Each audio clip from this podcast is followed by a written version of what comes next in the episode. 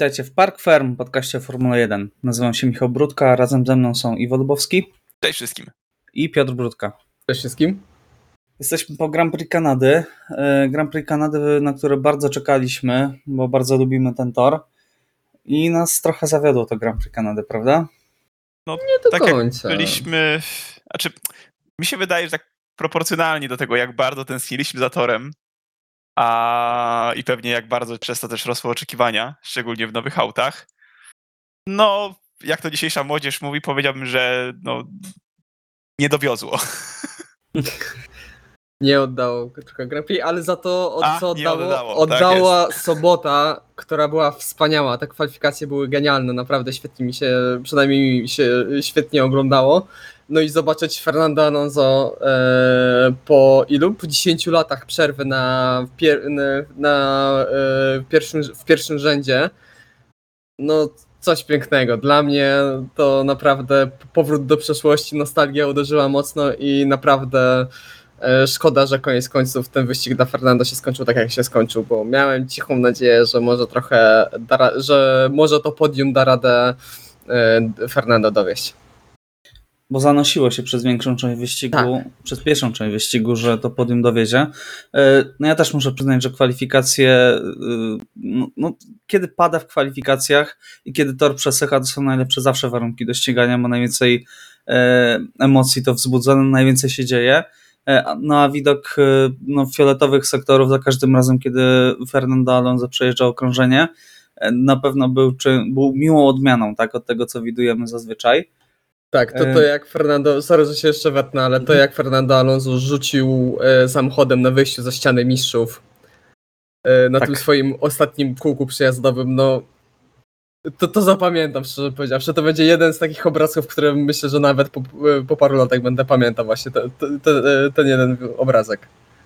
E, no nawet jak już rozmawiamy na temat Alonso, e, nawet e, pan Schaffnauer się wypowiadał, że no, patrzyli w różne um, analizy tak komputerowe i nadal nie rozumieją, jak on był w stanie tak szybko jeździć.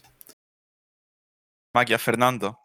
Nie, ale to prawda, jakby fajnie jest zobaczyć kierowcę, e, którym widać, że jakby cały czas jest to coś. Bo łatwo byłoby zwalić na, powiedzmy, usprawiedliwić go ze względu na wiek czy, czy przerwę w Formule 1, jeżeli faktycznie nie osiągałby specjalnie dobrych wyników. Tak, dzięki takiemu występowi jak ten, jak ten sprint Wielkiej Brytanii z zeszłego roku, czy, czy obrona przed Hamiltonem na Węgrzech, jakby są to obrazki, których, no, przez które przemawia przeogromne doświadczenie. I no, takiego Fernando definitywnie chcemy oglądać. No, no tak jak po, po... wyścigu. A, no prawda, tak. jakby to też jest druga strona Fernando. To, to jest pokazała się ta, ta ciemna kierowcą. strona Fernando. Tak, tak. Ale lepiej, żeby tak naprawdę wolę to zachowanie na torze niż yy, niszczenie zespołów. Na to przyjdzie no, czas. Spokojnie, to się nie dzieje z wyścigu na wyścig. E, no dobrze, to może porozmawiajmy o tym, co się działo e, z przodu stawki, e, tak jak zawsze zaczynamy. No i z przodu stawki nuda, tak? Mamy szóste zwycięstwo Red Bulla z rzędu.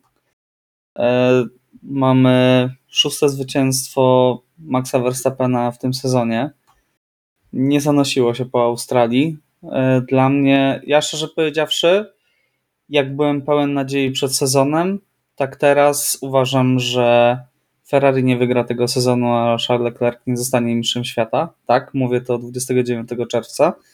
E, e, tak, i nawet powiem Wam, że jeżeli jest, jestem już na tyle pewny tego, że jeżeli Ferrari wygra, e, to podsumowujący odcinek na koniec roku, wstęp zrobię ca ca w całości po włosku. Także... I stracisz Cały wszystkie punkty. zrobisz. Nie, nie, nie. Mi się wydaje, że wtedy zrobimy nagranie. Mi się wydaje, że wtedy zrobimy nagranie z kamerą i wymyślimy coś lepszego.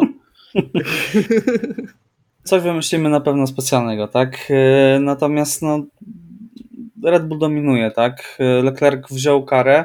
Rozmawialiśmy o tym, czy powinien wziąć. E, Piotra, upierałeś się, że no, powinien wymienić silniki i startować z końca stawki. Tak też Ferrari wybrało. E, dojechał Leclerc na piątym miejscu, natomiast e, no jak skomentujecie, bo to już jest dominacja, tak, no sześć wyścigów z rzędu, sześć wyścigów wygranych przez Maxa Verstappena w sezonie. Leclerc mówił przed sezonem, że żeby zdobyć mistrzostwo trzeba wygrać sześć wyścigów. E, także to trochę się obróciło przeciwko niemu w tym momencie, prawda? Tak, no ja myślę, znaczy właśnie to jest naj, powiedzmy najgorsze dla, z perspektywy Ferrari czy fanów Ferrari, e, to to, że jak spojrzymy na papierze, jak spojrzymy właśnie na wyniki, e, na tabelę, to można powiedzieć, no do, dominacja, Red Bull jest w ogóle e, totalnie przed wszystkimi i nikt nie ma do nich podejścia, ale praktycznie co wyścig, co Grand Prix widzimy, że e, Ferrari naprawdę jest blisko. To nie, nie, jest jakaś wielka różnica. No, Carlos Sainz oczywiście tam było, e, mieliśmy trzy neutralizacje w trakcie tego wyścigu. Mieliśmy dwa wirtualne samochody bezpieczeństwa, jeden pełny safety car. I to się nawet dobrze ułożyło dla Ferrari wtedy, ale no, mimo wszystko wydaje mi się, że E, ta seria Red Bulla w dużej mierze jest z tego, że Red Bull jest po prostu lepszym zespołem jako całość. Że mają i lepszą strategię, i lepiej reagują w takich e, podbramkowych i ciężkich sytuacjach. E, no i Max Verstappen jest genialnym kierowcą. A mimo wszystko tutaj nie jestem pewny, czy gdyby w miejscu Carlosa Sainza był Charles Leclerc, to czy Max Verstappen wygrałby ten wyścig, bo śmiem przypuszczać, że na pewno byłoby, doszłoby do walki koło w koło pomiędzy tymi dwoma zawodnikami. Jakby się ona skończyła, nie wiem, ale y, wydaje mi się, że Carlos po prostu. No, była tutaj troszkę różnica klas, nie jakaś gigantyczna, tutaj też różnica w umiejętności y, zagrała w tym, w tych końcowych okrążeniach. Znaczy, powiem szczerze, że ja i tak byłem, znaczy pozytywnie, pozytywnie i negatywnie. E, pozytywnie zaskoczony o tyle, że Carlos nie był tak daleko od Maxa Verstappena przez ostatnie okrążenia i faktycznie trzymał się stosunkowo blisko. Niestety nie na tyle blisko, żeby móc realnie zagrozić Maxowi. E, no ale właśnie tutaj dochodzimy do tej negatywnej części, że tak jak właśnie powiedziałeś, no mieliśmy, jak powiedzieliście obaj, tak naprawdę pod sam koniec mieliśmy nudy, bo, mm. bo do tej walki nie doszło. E, na prostych, a jednak jest to Kanada, no Red Bull definitywnie lepiej sobie radzi. Jakby to jest coś, czego bym te, nie wiem, dwa czy trzy lata temu na pewno bym tego nie powiedział. E, ale no, wygrał lepszy kierowca, wygrał szybszy samochód po prostu. No, trzeba być naprawdę teraz bardzo blisko z tyłu Red Bulla, żeby ich wyprzedzić na prostej, nawet z DRS-em, nawet zgadza się. Dokładnie, dokładnie. z naładowaną sam... baterią. To widać było, że na dobrą sprawę Carlos Sainz na wyjściu z nawrotu przed tą długą prostą, przed tą prostą, przed e, e, szykaną ścianie mistrzów, no on musiał tam mieć, nie wiem, pół sekundy na wyjściu, żeby mieć szansę w ogóle zaatakować, bo tam często było e, 70., 80. na wyjściu i Carlos nawet nie był w stanie się zrównać e, z Maxem, także e, no, jest naprawdę, naprawdę bardzo mocny Red Bull na prostych i po raz kolejny to widzimy. Trochę, trochę tak jak e, to było w Grand Prix Miami, kiedy to Charles Leclerc praktycznie się nie zbliżał mimo włączonego DRS-u do Maxa Verstappena. No tak, natomiast y, też trzeba wziąć pod uwagę, tak już wracając do sytuacji w całych mistrzostwach, ile punktów Ferrari już potraciło, tak? Ile punktów Leclerc e, potracił. Bo przypomnijcie sobie na Imoli, błąd Leclerca mógł dojechać na drugim miejscu, dojechał na szóstym. E, w Hiszpanii awaria w momencie, kiedy prowadził w wyścigu. W Monako zawalił zespół, wygraną, na dobrą sprawę praktycznie pewną. Natomiast w Azerbejdżanie też awaria w momencie, w którym prowadził tak, w wyścigu. Mhm. Także tutaj naprawdę tych punktów potraconych no myślę, że można liczyć około 80 nawet straconych punktów w tym momencie już e, sezonu. Z jednej strony pokazuje to, że Ferrari jest naprawdę blisko i e, gdyby nie te awarie, to mogliby cały czas prowadzić w mistrzostwach, ale z drugiej strony no nie nastraja Red to Bull do też miał awarię. dokładnie. Red Bull też miał po pierwsze Red Bull miał awarię, a po drugie, no jeżeli już na takim etapie sezonu mamy tyle takich wpadek i awarii, no to co będzie dalej, tak? Co będzie e, w dalszej części sezonu i jak to będzie e, wyglądać na sam koniec, tak? Ile punktów oni jeszcze mogą stracić, bo na dobrą sprawę, jeżeli poważnie myślą o mistrzostwie, no to margines błędu już praktycznie został wyczerpany, tak? A nie mamy jeszcze lipca. No jesteśmy już na granicy chyba, to jak ty Michał powiedziałeś, że nie wyobrażasz sobie, żeby Ferrari wygrało, no dla mnie to jest takie 85-15 szans. Eee, ale strasznie ciężko mi sobie wyobrazić, żeby Ferrari faktycznie miało teraz szansę, szczególnie, że no już ta różnica punktowa, którą mamy, to już jest zaraz taka granica. Jak którą przekroczymy, to będziemy chyba mogli mówić o dominacji Red Bulla. No 49 punktów przewagi Maxa Verstappena nad Charlesem Leclerciem.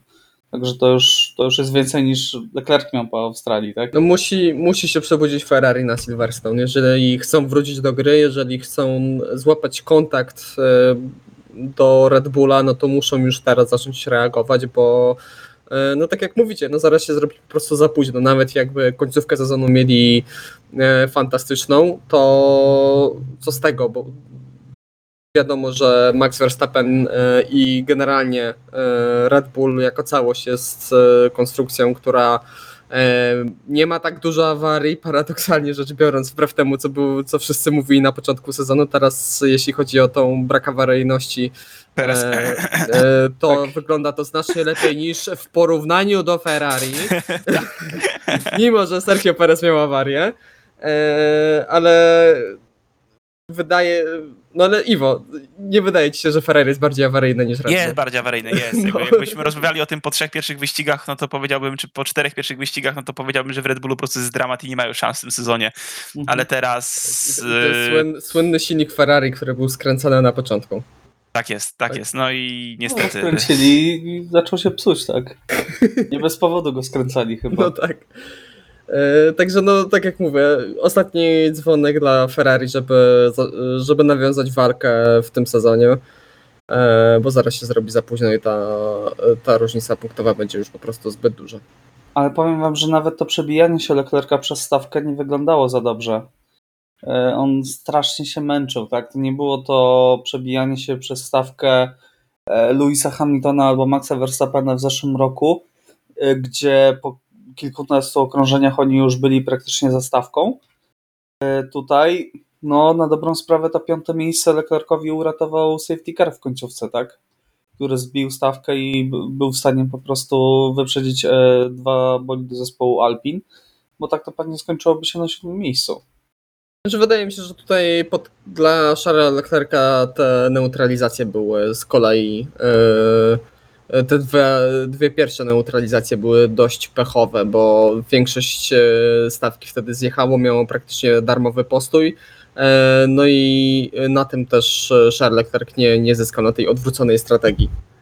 Także myślę, że gdyby mógł z niej skorzystać, to pewnie wyglądało to lepiej, chociaż tak jak mówisz, no nie było to jakaś niesamowita pogoń i tak jak to często widzieliśmy w zeszłych sezonach, gdzie te pierwsze dwa, a jeszcze wcześniej te pierwsze trzy zespoły, czyli Mercedes, Red Bull i Ferrari, gdzie nawet jak startowali z końca stawki, to miały 10-15 okrążeń i dojeżdżali do tej pierwszej szóstki, także e, z drugiej strony moim zdaniem to nawet wychodzi najlepiej, jeśli chodzi o widowisko, tak stricte, że już nie widzimy takich trochę niedorzecznych e, odrabia, e, pogoni i odrabiania strat. No to na pewno sprawia, że przynajmniej mamy taką iluzję, że ta stawka jest bliżej, tak, niż w mhm. zeszłym roku. E, a co powiecie o Perezie, tak? Tyle się nachwaliliśmy w ostatnich odcinkach Pereza, a Kraksa w kwalifikacjach, awaria w wyścigu. E, jakoś ta dyskusja o tym, że mm, Sergio Perez może walczyć o e, tytuł mistrza świata i może rzucić rękawicę tutaj Maxowi, ucichła. O, kiedy nie dojeżdżasz wyścigu ze względu na awarię, no i przede wszystkim marnujesz szansę na dobrą pozycję w kwalifikacjach, to ciężko, ciężko faktycznie mówić o mówić niestety inaczej. Wielka szkoda, bo po ostatnich, ostatnich wyścigach tak naprawdę o Sergio Perezie można było mówić raczej w samych superlatywach. E, że faktycznie jest to kierowca, który się odnalazł w końcu w tym zespole. Jest to pierwszy, drugi kierowca, pierwszy, drugi kierowca Red Bulla, który naprawdę daje radę. Jest na drugiej pozycji w dalszym ciągu w, w tabeli, aczkolwiek tylko trzy punkty za nim jest Charles Leclerc.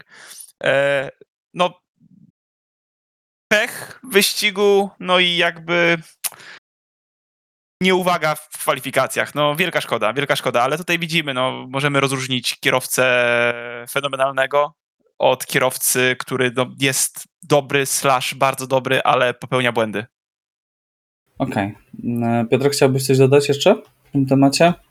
Nie, no, ja myślę, że tutaj w pełni się zgadzam, że no, trochę Sergio Perez y, w kwalifikacjach sobie y, znacznie życie utrudnił, no, a później ta awaria no, też z, pozbawiła go możliwości walki o powrót do czołówki. No dobrze. Zobacz, zobaczymy, jak to będzie wyglądało w najbliższych wyścigach. Ja, ja bardzo bym chciał, żeby Sergio Perez y, naciskał tutaj na Maxa Verstappena. Na to zespół. Nie no, myślę, że zespół dopóki nie będzie jakieś, jakiegoś kontaktu, tak, e, jakiejś bardzo kontrowersyjnej sytuacji, na której ucierpi cały zespół, myślę, że się nie będzie jakoś super wtrącać. Ja myślę wręcz przeciwnie. Oni jeszcze ani razu nie pozwolili, żeby była jakakolwiek walka pomiędzy Maxem Verstappenem a Sergio Perezem. Przynajmniej ja sobie nie przypominam. Za każdym razem, jak jeden dojeżdża do drugiego, znaczy... to jest Team Orders.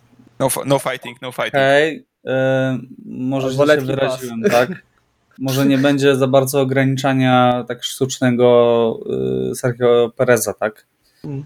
Typu no, rzucimy go bardzo wyraźnie na dużo gorszą strategię tylko po to, żeby nie walczył z Verstappenem. Znaczy prawda jest taka, że, że taki Azerbejdżan na przykład, to Azer... ja nie wiem teraz, czy ja dobrze pamiętam, czy to Azerbejdżan dawał nam nadzieję, dawał nam wstępnie nadzieję, tylko tam tempo po prostu Pereza było mhm, tak. naprawdę bardzo słabe w porównaniu do Maxa i rozumiem komendę, prośbę o brak walki, no bo jednak jak był sekundę, czy tam znaczy... 80 wolniejszy, no nie. Horner to tłumaczył, że Perez miał samochód bardziej ustawiony na kwalifikację mhm. i zżerał mu dużo bardziej opony. No tak, tak. No, walka tutaj nie miałaby sensu po prostu, jakby ona by trwała jedną prostą. No i trwała jedną prostą. I trwała jedną prostą. Dobrze, to przejdźmy do Mercedesa, bo Mercedes to jest bardzo ciekawy temat w tym podcaście, e, bo mm, w momencie, w którym e, nagrywaliśmy poprzedni odcinek, e, dużo rozmawialiśmy na temat apelu Mercedesa odnośnie porpoisingu no, dbałości o zdrowie kierowców e, wyrażanych e, przez Toto Wolfa. E, I dosłownie dzień potem, jak nagraliśmy, wyszła dyrektywa FIA, która miała zająć się właśnie porpoisingiem i która przyniosła mnóstwo kłótni między szefami zespołów E, i przyniosła dużo kontrowersji, tak. E, no ogólnie rzecz biorąc, polegała ona na tym, Piotr, poprawnie, jeżeli się pomylę, że jeżeli ten porpoising po trzecim treningu będzie za duży, to z automatu FIA będzie nakazywać podniesienie bolidu o wartość tam chyba 15 mm, tak co już jest mhm. E, całkiem sporą e, wysokością, tak? Natomiast danych, które tam przekazywało, które wyciekły najprawdopodobniej z FIA, e, pokazywało, że ten, wszystkie zespoły raczej sobie przyzwoicie z tym radzą, natomiast jednym zespołem bardzo poza skalą jest właśnie Mercedes, tak? I na początku było takie podejście, że Mercedes mocno na tym może stracić, to może być taka broń no, Mercedes może się sam załatwić swoją, swoją bronią. E, natomiast e, później, Mercedes dosłownie dzień później po, w Kanadzie już e, pokazał nową wersję podłogi, która zawierała elementy, które były wcześniej zakazane, tak? I tak. Były... Tu głównie tak? chodzi o ten, pojawił się dodatkowy drążek, który łączy E, nadwozie z, właśnie z podłogą, który ma dodatkowo e, stabilizować e, tą podłogę. No i to jest właśnie najbardziej kontrowersyjna sytuacja w tym wszystkim, bo no, ta opracowana, wyprodukowana i już zainstalowana część pojawiła się dzień po tym, jak w ogóle pojawiła się dyrektywa, która wszyscy, wszystkie inne zespoły wspólnie mówią, że to było trochę zaskoczenie i tak trochę znikąd to wyskoczyło. No właśnie, pojawiły się kontrowersje, tak? Jak to jest możliwe, że e, zespół, który walczy o wprowadzenie dyrektywy, dzień po tej dyrektywie już ma gotowe zastosowanie, e, natomiast cała reszta w ogóle nic o tym nie wie, tak? E, I podobno były naprawdę dantejskie sceny. Podobno było w tym dużo teatru na z zebraniu szefów zespołu. I podobno praktycznie wszyscy są przeciwko y, Toto, tak? Toto został sam. Nawet Mattia Binotto poparł bardzo mocno Christiana Hornera. E, No i wydaje się, że na tym froncie akurat Toto został sam. E, Dyrektywa została tam przeniesiona e, do Wielkiej Brytanii. Jestem bardzo ciekaw, co się będzie działo w ten weekend. Jak ogólnie skomentujecie tę sytuację? Bo to jest taka kolejna kontrowersja, która sugeruje, że w jakiś sposób Mercedes jest ułożony za FIA. Być może to jest pokłosie, to, to są moje tylko dywagacje, tak? Być może to jest jakieś pokłosie tego, co e, tej ugody, e, która była po sezonie związanej z Michaelem Massim. E, Może to jest kolejna, kolejna sytuacja w stylu testów Open w 2013 roku. Jak to skomentujecie? O, nie wiem, co się działo na tych opon w 2013 roku. Ale tak, Dostali bardzo obszerne testy opon przed wszystkimi zespołami i dało im to ogromną przewagę. No to bardzo E, niesympatyczne Mieli, zachowanie. mieli przed, przed zmianą opon mieli cały dzień i mogli sobie zbierać dane. Jako jedyni. Tak w Tak. skrócie. Ale wracając do sytuacji, o której tutaj mówimy, no przede wszystkim czy wygląda to komicznie? Jakby mnie już nie dziwi tak naprawdę wiele rzeczy, biorąc pod uwagę, że może nie oglądam formuły długo, ale już naprawdę sporo teatru mieliśmy okazję wspólnie obejrzeć. Eee, jakby rozumiem podejście Toto jako szefa zespołu, bo chyba każdy chce wywalczyć tyle, ile może, jeżeli jest w kiepskiej pozycji, mówiąc lekko. E, I natomiast tak z perspektywy, z perspektywy mnie jako widza i kibica, e, no przykro się troszeczkę to ogląda, kiedy próbuje się zwalić odpowiedzialność za swoją konstrukcję na jakby organizację i, i próbę znalezienia pomocy w organizacji zamiast na swoim podwórku, tylko o tym też mówiliśmy ostatnio i tam to się dalej e, potwierdza i zupełnie się nie dziwię, dlaczego Toto na froncie został sam. A inni szefowie zespołu no po prostu no, nie popierają tego rozwiązania. No, Horner powiedział wprost, ten protest Mercedesa jest spowodowany tylko dlatego, że cała koncepcja ich bolidu działa ty- tylko wtedy, kiedy ten bolid jest nisko osadzony, więc jeżeli by go podnieśli, niwelując porpoising, to by stracili nieporównywalnie więcej niż reszta bolidów. Znaczy, ja tego trochę powiedzmy, ta pierwotna e, dyrektywa, czyli to jak w jaki sposób miało być to mierzone, czyli że im bardziej, e, im większa jest amplituda tych uderzeń, e, to tym, tym szybciej zespół po, powinien podnieść tą podłogę, czyli im bardziej mocniej uderzamy, częściej uderzamy, tym to wtedy nie będziemy dopuszczeni do wyścigu czy tam kwalifikacji.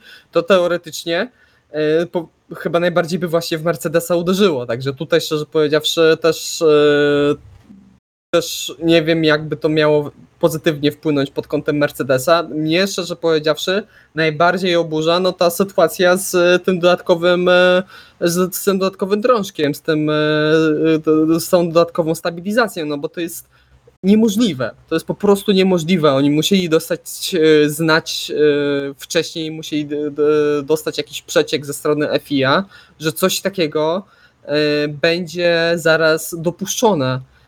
Także no, to jest naprawdę dla mnie sytuacja skandaliczna, że coś takiego wychodzi po raz kolejny. Po raz kolejny jest to Mercedes. Oczywiście się już pojawiły tutaj teorie spiskowe, co, z- co ciekawe z Daily Mail, e, bo tutaj została wysnuta teoria, że w sprawę może być zaangażowana była doradczyni Toto Wolfa, e, pani Sheila Anrao, która e, tymczasowo jest sekretarzem generalnym FIA do spraw sportu. Aha.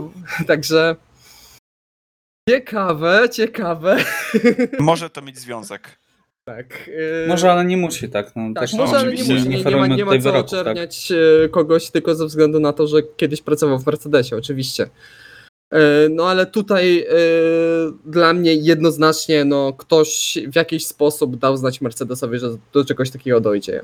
I to jest bardzo nie, nie fair. Ja rozumiem takie zagranie ze strony FIA, bo to rzeczywiście może być na długofalowo może być na niekorzyść dla kierowców, może po prostu e, uderzać w zdrowie kierowców, a wiadomo, że FIA powinna stać się na tutaj na e, Straży, na stra, straży zdrowego rozsądku, tak? Po prostu. zdrowego rozsądku i czasem powiedzieć dosyć, kiedy idziemy w stronę już zbyt niebezpieczne, kiedy kierowcy po prostu mogą sobie zrobić krzywdę, a wiadomo, że no, sportowiec, kiedy może mieć, e, uzyskać lepszy rezultat, to poświęci dosłownie wszystko na to.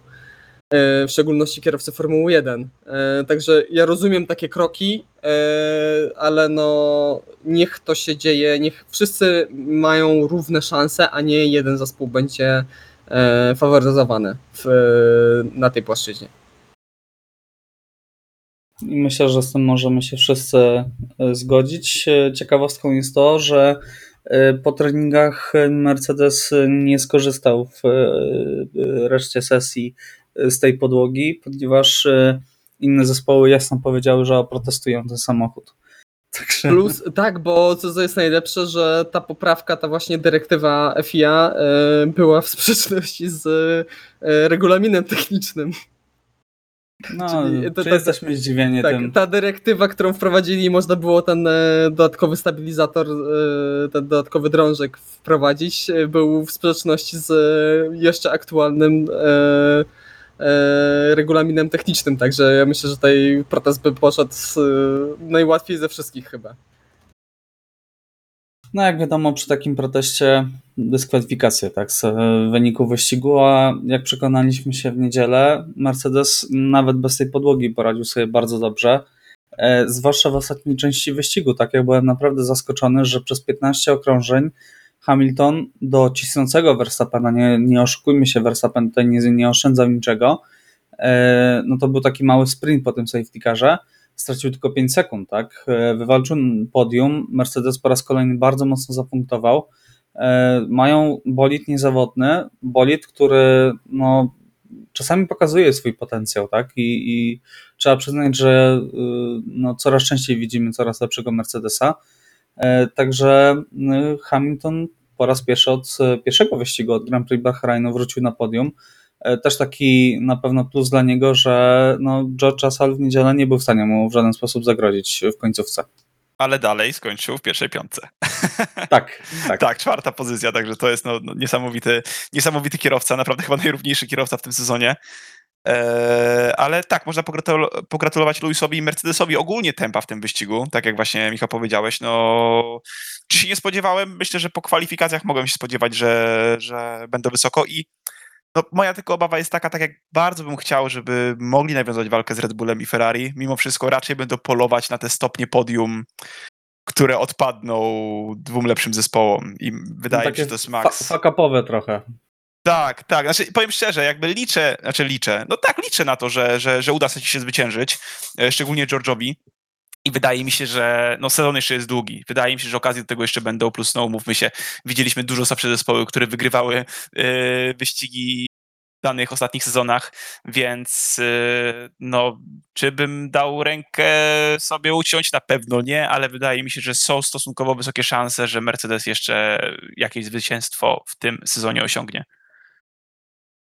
Oczywiście trzymając się blisko swoich konkurentów, no bo no to jest podstawa, póki co, No tak.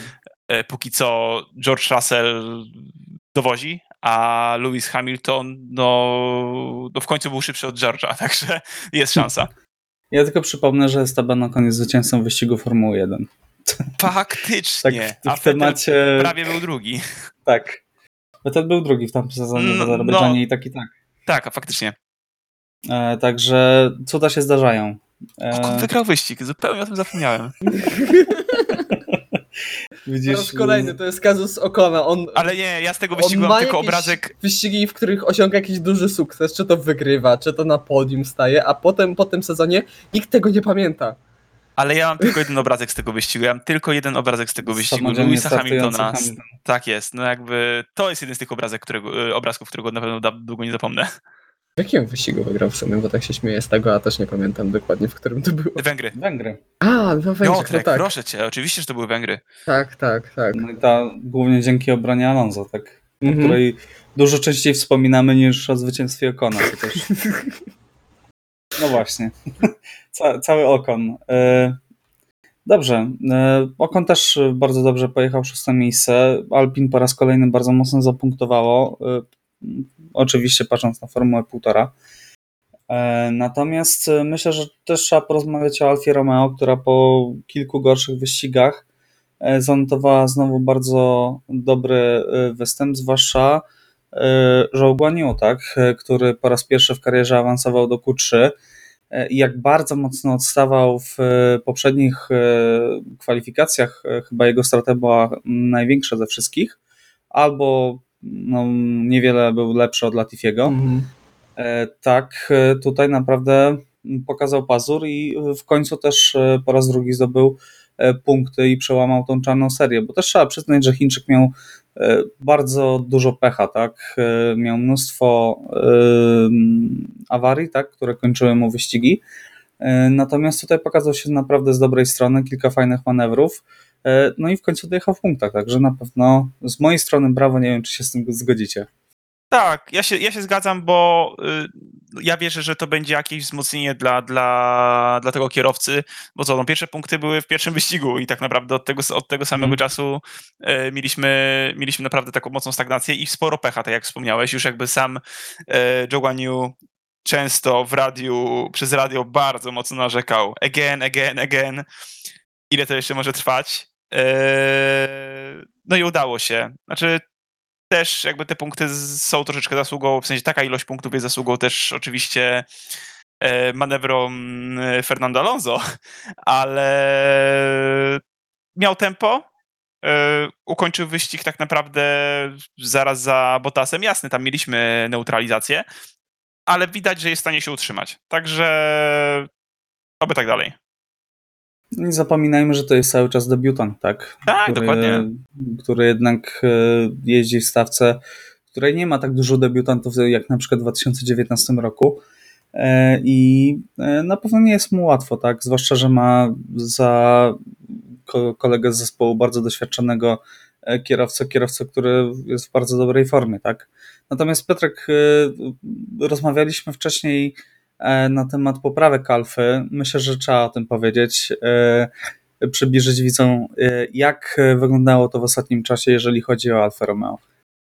Tak, ostatnio wyszła taka informacja, że w Alfie Romeo kierowcy otrzymywali poprawki do swoich samochodów na tuż przed kwalifikacjami albo tuż przed wyścigiem czyli do najważniejszych, do dwóch najważniejszych sesji bardzo często przy, wsiadali do samochodu, który był w specyfikacji, z której nie mieli jakiegokolwiek doświadczenia i nie, nie mieli szans jako, jak, jakoś bardziej go tutaj dostroić a było to głównie spowodowane po prostu e, brakiem zapasowych części że tak bardzo się Alfa Romeo tutaj obawiała, e, żeby te nowe wyprodukowane części nie zostały uszkodzone, że e, dopiero na sam koniec e, kierowcy dostawali już po treningach, dostawali e, w tej docelowej, samochód w tej docelowej specyfikacji, także ma się to poprawić.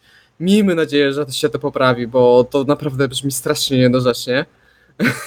No właśnie, ja bym raczej szedł w drugą stronę, czyli sprawdzać w treningach. Jeżeli się sprawdzą, tak, no to dopiero zakładamy na wyścig, a nie no, jeździmy w starej specyfikacji na treningach i później wkładamy Nowy samochód na wyścig. Znaczy, no, myślę, że to po prostu kwestia była tego, no, takiego zagrania trochę w bank, no bo też widzieliśmy, że ta alfa trochę zaczyna odstawać, trochę coraz bardziej spadać w dół tej stawki. E, no i zaczęli podejmować ryzyko, no, w jedną stronę albo w drugą, no, tutaj też musieli zaryzykować, biorąc pod uwagę, że no, kierowcy Alfy w treningach w tym sezonie mieli trochę przygód, nie było jakieś strasznie dużo, dużo dzwon, jakieś, nie jest tak, że co weekend dzwonią, ale dosyć często im się zdarzało, czy to Bottasowi, czy to e, Chińczykowi tutaj popełnić jakiś błąd w treningu i trochę tych e, części napsuć. Ale, no tak, czy, ale tak? fakt, y, podejście bardzo dziwne i chyba pierwszy raz kojarzę. Ostatnio coś takiego pamiętam to sławetna taczka i Williams, tylko że tam w ogóle nie było części i, y, i czasem jeżdżono bolidem z uszkodzonymi częściami, co to już jest wyższy poziom mimo wszystko. Czemu musisz o tym przypominać? Są bardzo Flash, złe flash... wspomnienia, flashbacki. E, I wspominanie o tym, jak e, lusterka odpadały w trakcie jazdy i kierowca nie mógł jeździć po targach na przykład, żeby się bolid nie rozleciał. No, no tak, no bo to, to jest właśnie, to jest idealny przykład y, takiego y, ostatecznego druciarstwa w Formule 1. Chyba taki już, jeżeli mówimy o tej nowszej erze, bo wiadomo, że wcześniej mieliśmy takie zespoły jak HRT czy Caterham, które to, to wprowadzały na jeszcze wyższy poziom. Y, Czy na przełomie wieków też mieliśmy takie zespoły, które no, nie łapały się do 107%. Y, Także No jeśli wiesz, mówimy. HRT wyjeżdżało. Też, to też się nie łapało. tak nie łapało, ale HRT jeszcze doprowadziło to do najwyższego poziomu, czyli wyjeżdżało bolidem nie w testach zimowych, nie podczas pierwszego Grand Prix w treningach, tylko na kwalifikacje. W Q1. To były ich pierwsze przebiegi w całym sezonie. Także jest jeszcze, s- są granice, których taczka nie przekroczyła, że tak powiem, 3 lata temu. Ale byli blisko, byli blisko. No mówię, jeśli chodzi o, no, o tę najnowszą historię Formuły 1, no to taczka jest takim absolutnym druciarstwem. Miejmy nadzieję, że nikt, nikt ich nie przebije. E, No dobrze, to może przejdźmy e, dalej. Liczymy, że Alfa e, wyprodukowała już wystarczająco dużo części, że będą w stanie je przetestować na spokojnie i myślę, że to też e, sporo przyniesie temu zespołowi. E, Natomiast e, no porozmawiajmy o Hasie. E, U Hasa nie jest zbyt kolorowo, prawda? E, Mieliśmy ten piękny początek sezonu, kiedy się zachwycaliśmy, oj Magnussen dojechał na piątym miejscu, jaka piękna historia, jak fantastycznie. E, Natomiast e, no im dalej w las, e, tym jest gorzej. Mieliśmy przebłysk w kwalifikacjach w tych deszczowych warunkach. Ewidentnie ten, te, te warunki pasowały Hasowi. Dwa bolidy w Q3, świetne pozycje startowe. No ale przyszedł, przyszła niedziela, przyszedł wyścig.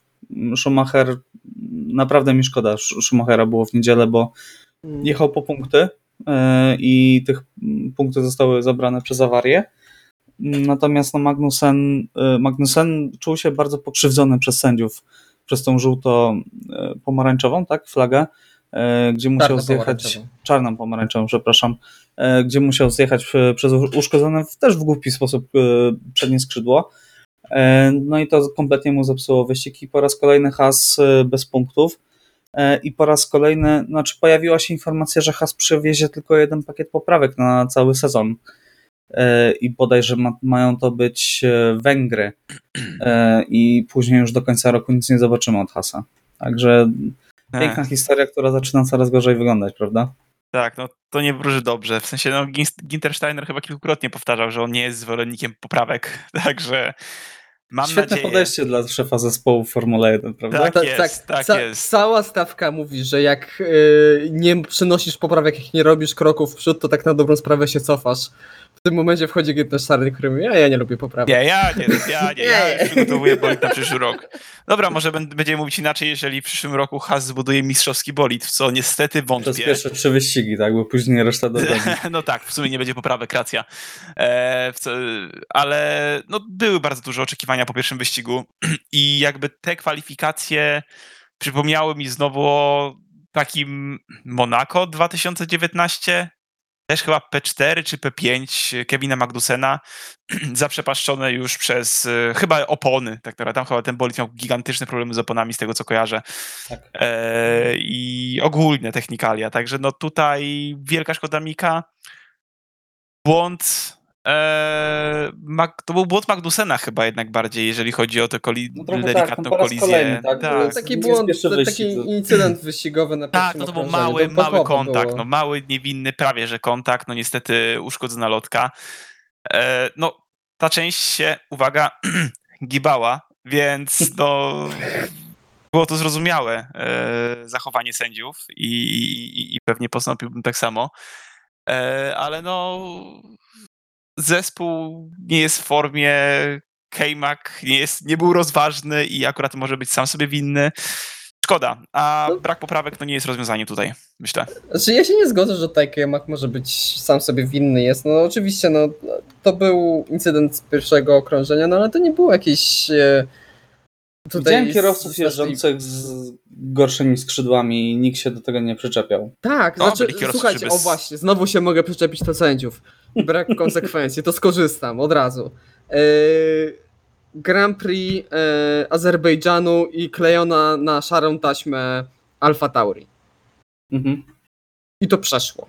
A tutaj był No, bo e, zjechali Ale nic nie side, latało, ale nic nie ale to był latało. side pod przedniego skrzydła. No to jest naprawdę mała część. Oczywiście to są samochody e, z otwartym kokpitem i to można zrozumieć, no ale to już wielokrotnie w tym sporcie widzieliśmy, że no takie rzeczy się działy, coś tam odpadało i, e, i rzadko kiedy ta, ta flaga była pokazywana e, w Formule 1.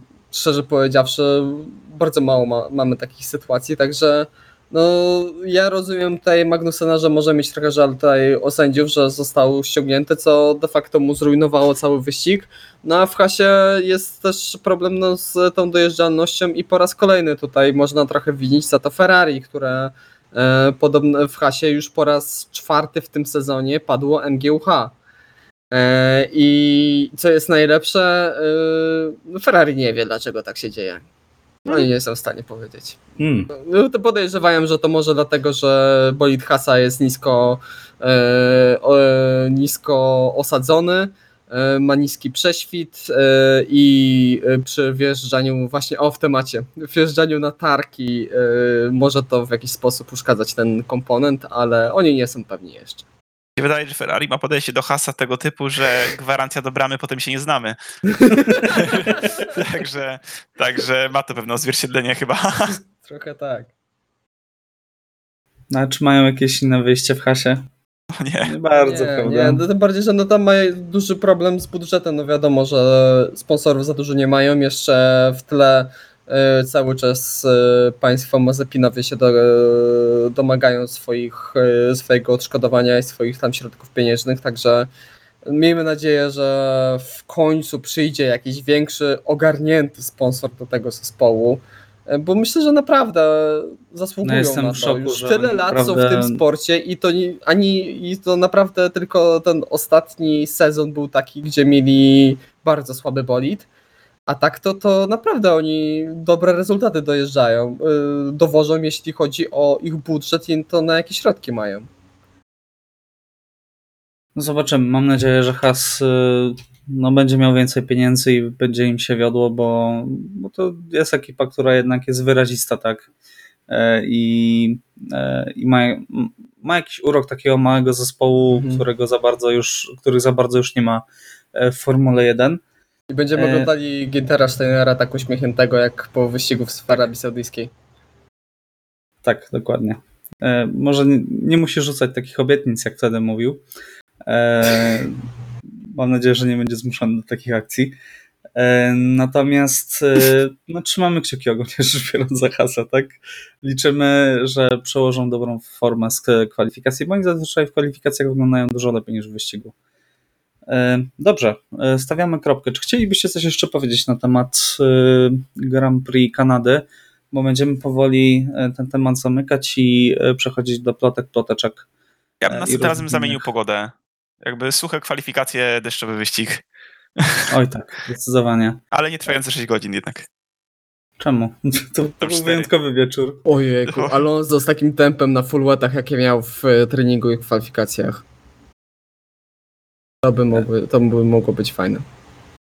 Ja jeszcze chciałbym tylko powiedzieć o tym, że mi szkoda Wettela, bo w treningach wyglądał fantas- fantastycznie, po czym przyszły kwalifikacje i kompletnie tego tempo, no wyparowało to tempo za Stona i sami, sam nie wiedział, co się tak właściwie wydarzyło i e, zapomniał, e, jak sam przyznał, że nie wiedział, że miał radio włączone i rzucił tam parę mocnych e, słów pod nosem, za co później przepraszał.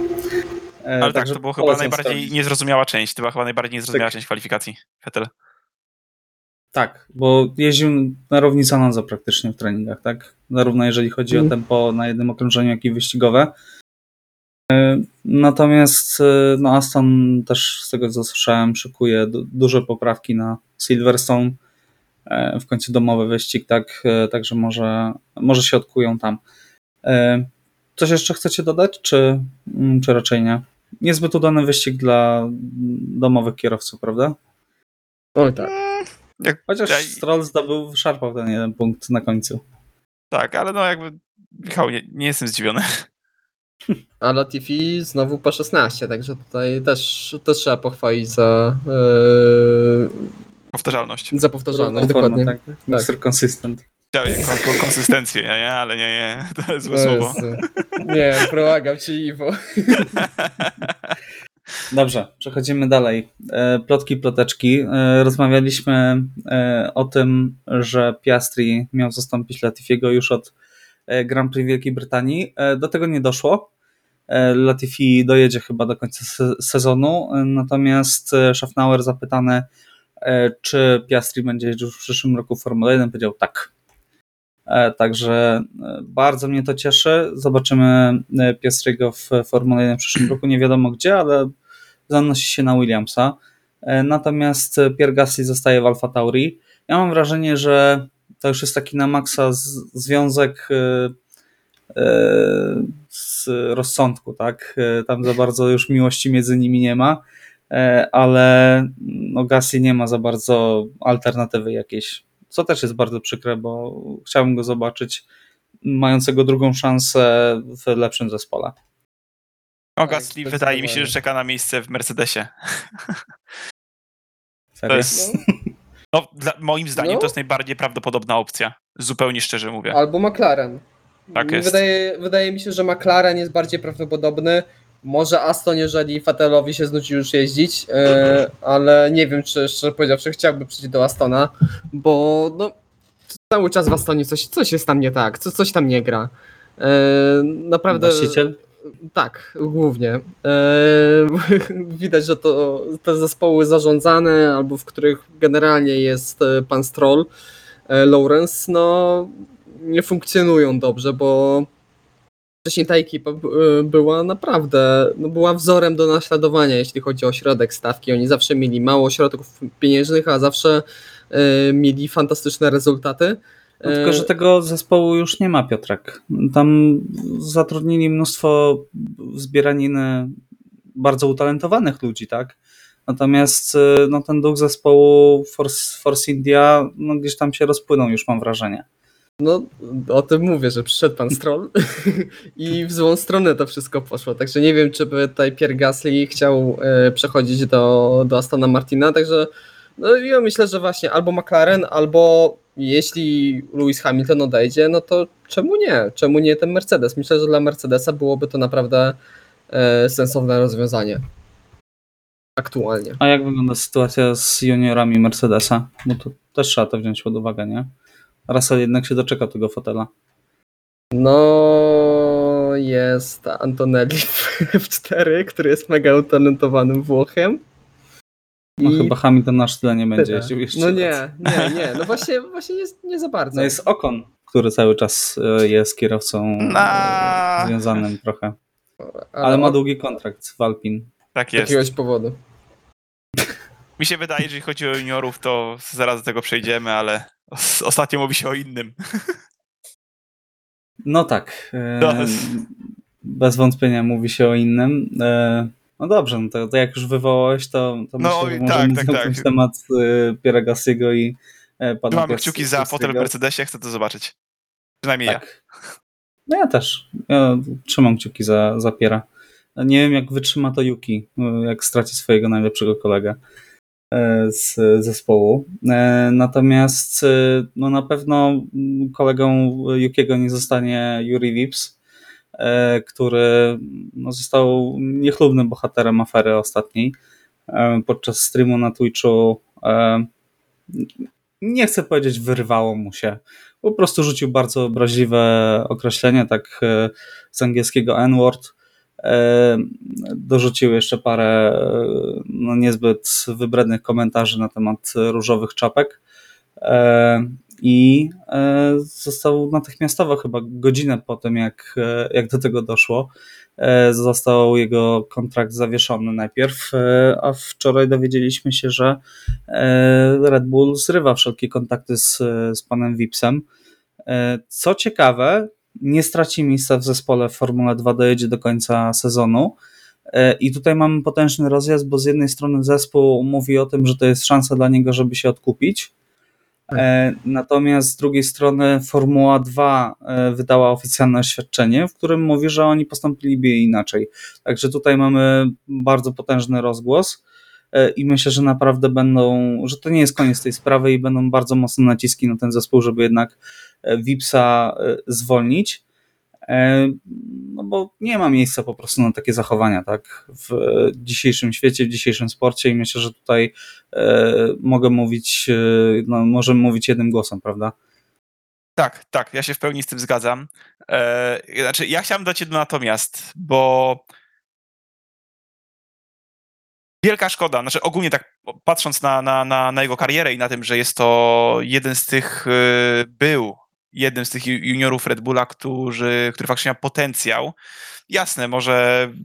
No, dostał pierwszy trening w tym roku. To tak jest. Pierwsza rzecz w ogóle od wielu, wielu lat.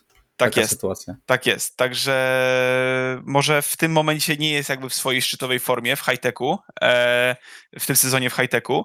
E, natomiast e, to tak szokuje, jak można zepsuć sobie karierę w tak młodym wieku, będąc w tej elicie, w tej w tak durny sposób. kierowców, tak, grając w gierkę komputerową, streamując z kolegami. To mi się daje tak absurdalne. Kara, znaczy, jest dla mnie zrozumiała, ale jednocześnie wydaje mi się okropnie brutalna, biorąc pod uwagę w jakiej stawce, o jakiej stawce tutaj mówimy. Tak, no, na pewno Z musi jednej odpowiedzieć, strony tak. odpowiedzieć za to i musi zostać ukarany. Na pewno Tak, to, tak. że został wyrzucony z programu juniorskiego Red Bulla, e, no to to już jest bardzo duża kara na niego nałożona. E, Nie wiem szczerze powiedziawszy, jak jeśli chodzi tutaj o resztę e, sezonu w high-techu. Jestem naprawdę mocno zdziwiony, bo myślałem, że to będzie praktycznie automatycznie jedno wiązało się z drugim, tak. że, że, że nie dowiezie tego sezonu. E, ale no też ciężko mi się powiedzieć, czy, czy, czy powinien dojechać ten sezon, czy nie powinien dojechać tego sezonu. E, tak jak Iwo mówiłeś, ja też szczerze powiedziawszy, jak to słyszałem, to mi ręce opadły, bo ja naprawdę bardzo Juriemu kibicowałem. Naprawdę miał tempo, no w tym sezonie parę, parę razy no trochę mu e, mentalnie tego nie dowoził. Miał szansę na bardzo duże, bardzo dobre wyniki.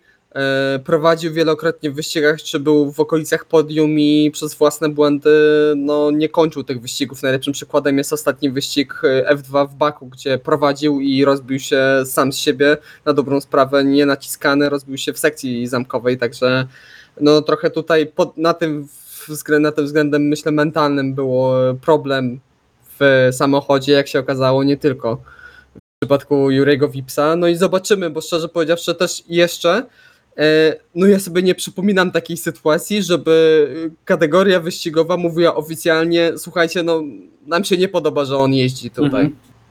Że, że my nie chcemy, żeby tak było. To już nawet jak Formuła 1 tylnymi drzwiami wywalała kierowców, e, e, bo byli za słabi. tak, były takie sytuacje. E, tak, to, nigdy to nie było w taki oficjalny sposób, także no zobaczymy jak to się e, rozwinie, bo myślę, że też zawsze się znajdą jacyś kierowcy z dobrym budżetem, którzy by mogli wykupić to miejsce w high-techu, które no, jest jednym z czołowych ekip w F2. Natomiast no, to pokazuje, że reprezentujesz zespół w każdym momencie i no, reprezentujesz też swoją postawą e, też sponsorów, tak? Ale to E. nawet bana na Twitchu za coś takiego się dostaje. to Tak, nawet dokładnie. jak w donate ktoś ci to wrzuci w tekst donate'a, jak masz czytane donaty na, e, na streamie, to musisz od razu przepraszać bo jak za to i stawiać widzów do, e, do, do porządku, bo jak tego nie zrobisz, to dostajesz bana. Jak ktoś na czacie ci napisze i ty na to nie zareagujesz, to dostajesz bana. No ja nie wiem, czy to miało być, czy to są, nie wiem, zgodne z e, poglądami prywatnymi Jurego Wipsa, czy nie wiem, czy on chciał sobie zrobić jaja, w cudzysłowie oczywiście, żeby Liam Lawson, który miał odpalonego tego streama, dostał bana. Nie mam pojęcia, ale to jest tak niedorzeczne, że e, naprawdę bardzo utalentowany kierowca, e, no może sobie zaprzepaścić całą karierę przez To zgranie w Call of Duty. no. To Ja zgranie- patrzyłem na to, tak. To- prze- przez nie to, grajcie jak się w Call of wypowiada, Duty. Ja- Jak, jak w trakcie gry w Call of Duty, to jest tak niedorzeczne. Dobrze, że nie grał w League of Legends, bo wydaje mi się, że jego kariera skończyłaby się już 3 lata temu e, z motorsportem. Ale, ale jakby co mnie przerażało? Przeraża mnie to, że wyobraźmy sobie nas, kiedy gramy w gierki, e, wymsknie nam się coś. Jakby każdy zastąpi czarny humor. Jakby oczywiście w żaden sposób nie zgadzamy się z żadną formą i potępiamy każdą formą, formę rasizmu czy piętnowania, ale z drugiej strony jest człowiek, który od wielu lat żyje na tym świecie, lubi powiedzmy jakąś formę czarnego humoru i coś mu się wymsknie. I istnieje szansa, że po prostu coś ci się wymsknie w tym złym momencie. Jakby to jest trochę przerażające mimo wszystko. Jasne, No- trzeba zapłacić za swoje błędy, oczywiście, bo trzeba na co opanować z Tak, z ale ja dorosłymi bym ludźmi. go nie przekreślał do, już dożywotnio, że tak powiem. Że już nigdy nic nie No, może każdy- Każdy zasługuje na możliwość odpokuto- odpokutowania tak, za swoje czyny. Ja Że bym z też- tego zrobił wyjątek dla tego pana z kartingu, co rzucał. E, tak. Nie no, salutowanie na podium to już jest wyższy poziom. A to chyba o różnych osobach myślimy, tak? Bo my raczej myśleliśmy o tym gościu, który e, Rzucał elementem rzucał chyba bić tak, z karta. tak? Jego ojciec później pobił tego chłopaka, który... Tak, tak, tak. No To, to, to, nie, to jest dożywotni ban, w pełni zrozumiały dla Tak, mnie. to, to, to, to tak, to, to już jest ban, to już tak. No dobrze. E, Wnioski takie, na- trzeba zastanowić się dwa razy, co mówimy w internecie. No w temacie myślenia nad, dwa razy nad tym, co mówimy, to też mieliśmy inny incydent e, z tym samym słowem.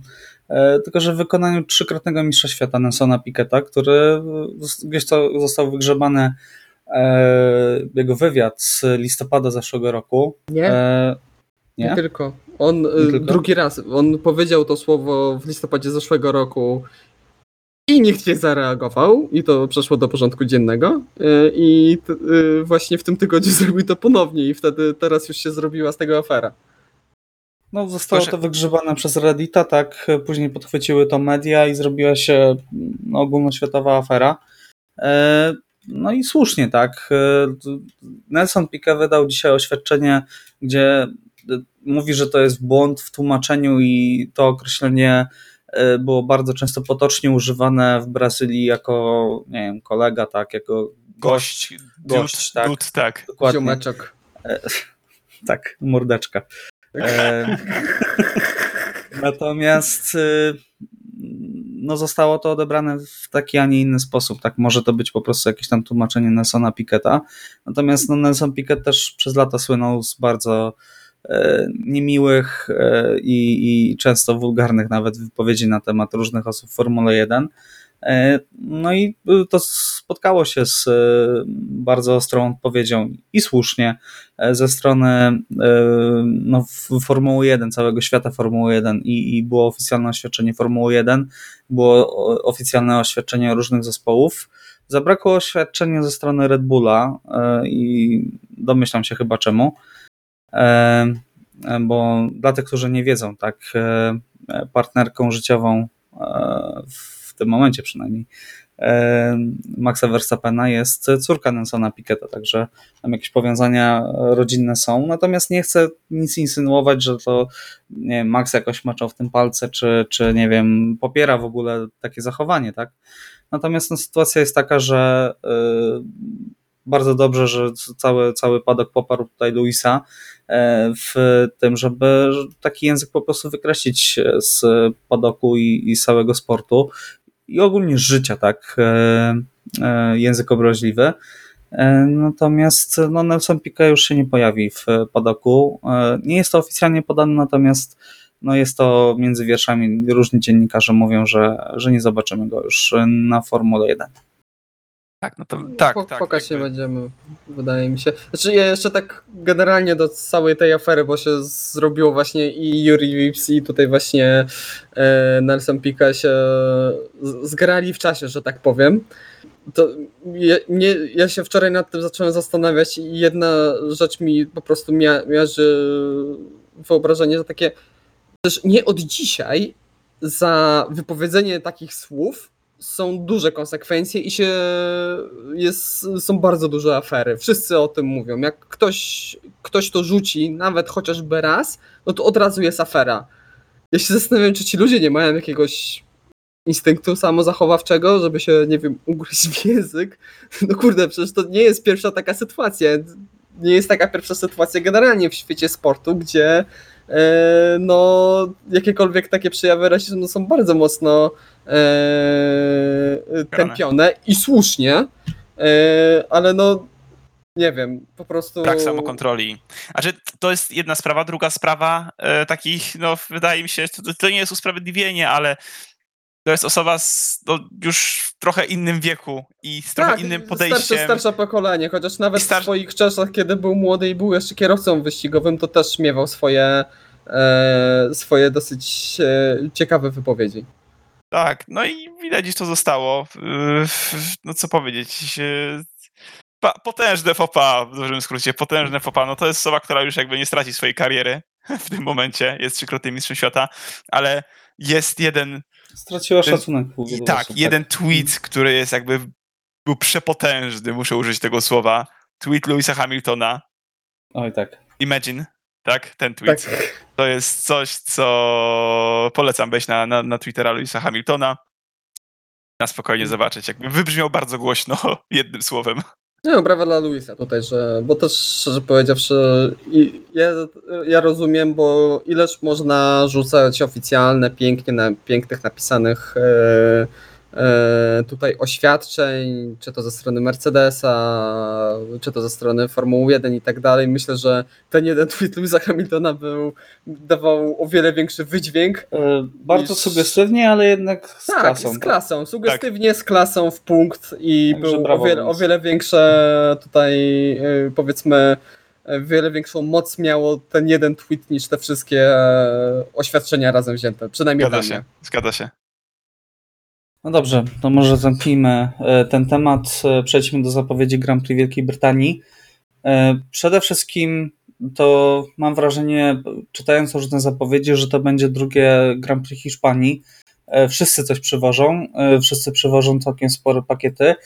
Słyszałem, że Williams przynosi nową podłogę, która ma im dać nawet sekundę na okrążeniu e, Mhm. w kwalifikacjach. Alpin przywozi nowe części, Ferrari podobno całkiem sporo nowych e, części ma przywieźć. E, e, Mercedes w ogóle, Mercedes to już w ogóle zbroi się tak, że mają wrócić do gry po raz kolejny. Może tym razem się Po, uda. po, raz, po raz kolejny, kolejny odcinek. Mercedes wraca. w- Tak, ale Silverstone, wróci. Silverstone im zawsze, zawsze pasowało, tak, zawsze Mm. byli mocni. Także jestem bardzo ciekaw, czy te poprawki się sprawdzą i czy będą w stanie rzucić wyzwanie dwóm pierwszym zespołom. Bo to, to myślę, że wielokrotnie już mówiliśmy, że to by było najlepsze tak, dla całej stawki, gdyby Mercedes yy, no, włączył się do, do walki, mielibyśmy sześciu kierowców walczących o zwycięstwo, a nie, yy, a nie czterech, a nawet trzech bym powiedział, bo Sainz w tym momencie nie wiem, czy jest zdolny do wygrywania. Także jestem bardzo ciekaw, jak to wyjdzie w praniu, bo na przykład Red Bull nie przywozi zbyt dużych poprawek. Jakby nie wiem, czy to taki był od początku plan, czy to zaczyna się pojawiać tutaj ten te- temat y, ograniczeń budżetowych, tak, o których y, rozmawialiśmy kilka odcinków temu, y, że Red Bull wykorzystał już bardzo dużo tego budżetu i ten, to poprawianie bolidu w drugiej części roku będzie trochę e, spowolnione. Także e, jak przewidujecie, co się wydarzy na Wielkiej Brytanii, kto zyska i czy zo- zobaczymy w ogóle jakieś e, zmiany w e, stawce, tak? Bo, bo też zapowiadaliśmy, że tutaj Hiszpania może powywracać, a nie bardzo powywracała, tak? Bo wszyscy przywieźli coś. E, Myślę, Tak, że, tak. tak. Aston Martin też muszę dodać jeszcze, bo zapomniałem o tym, ma też przywieźć kolejny pakiet z poprawek. Mają być jeszcze bardziej podobni do Red Bulla. O! To już, to już mój dodatek akurat. Znowu będą zielone puszki. Znaczy, ja myślę, że tak mi się wydaje, że jeszcze niżej w hierarchii spadnie McLaren, który zapowiedział, że do końca sezonu już praktycznie no nie będzie przywoził jakichś większych yy, poprawek, głównie ze względu na ograniczenia właśnie budżetowe.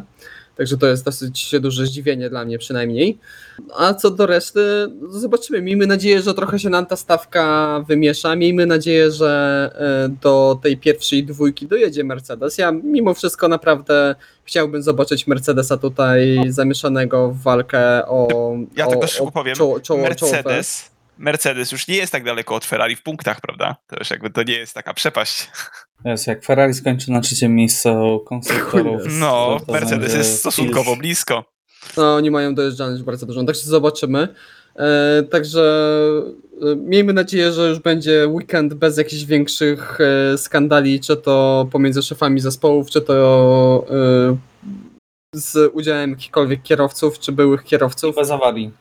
I bez awarii. Dokładnie. Bez powtórki z zeszłorocznego Silverstone. Oj tak, Oj no, tak. ciekaw Oj jestem, tak. czy to będzie grzane, zwłaszcza jak w piątek na przykład Hamilton wygra dwa treningi, tak? I poprawki będą działać. Jestem bardzo ciekaw.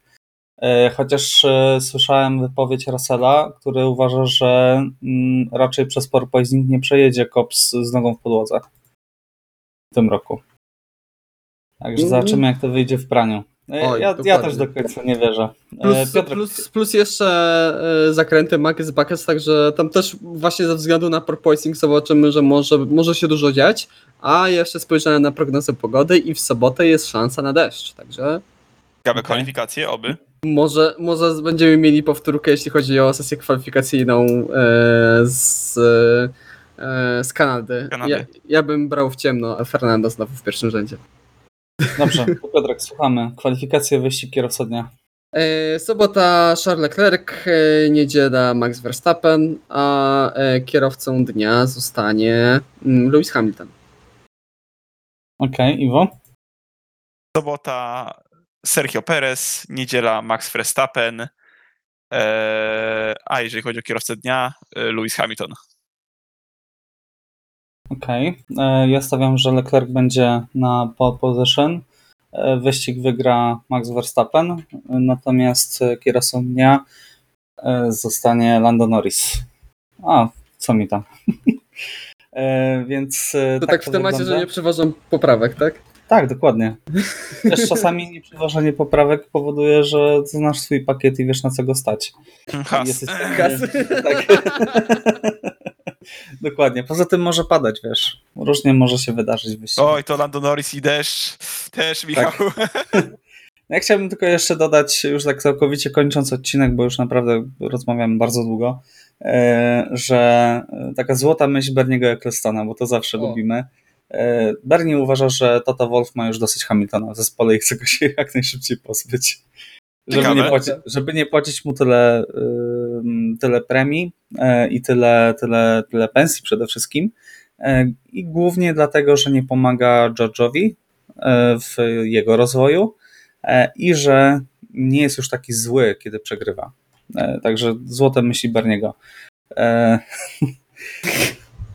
No myślę, że to mówi samo za siebie. Dobrze, e, panowie, dziękuję Wam bardzo za, za rozmowę. Dziękuję słuchaczom, jeżeli dotrwaliście do tego momentu, e, za poświęcony czas, e, mocno ponad godzinę dzisiaj. E, Jak także- zawsze o średnio ciekawym wyścigu. tak, Tak. nie mam pojęcia, jakie tutaj zależności są. No dobrze, dziękujemy Wam bardzo za uwagę. Życzymy Wam udanego Grand Prix Wielkiej Brytanii. Wyścig w niedzielę o godzinie 16, pamiętajcie. E, Natomiast o Grand Prix Kanady rozmawiali Iwo Lubowski, Dzięki, do usłyszenia. Piotr Brudka Dzięki wszystkim, cześć. i Michał Brudka. Trzymajcie się, cześć.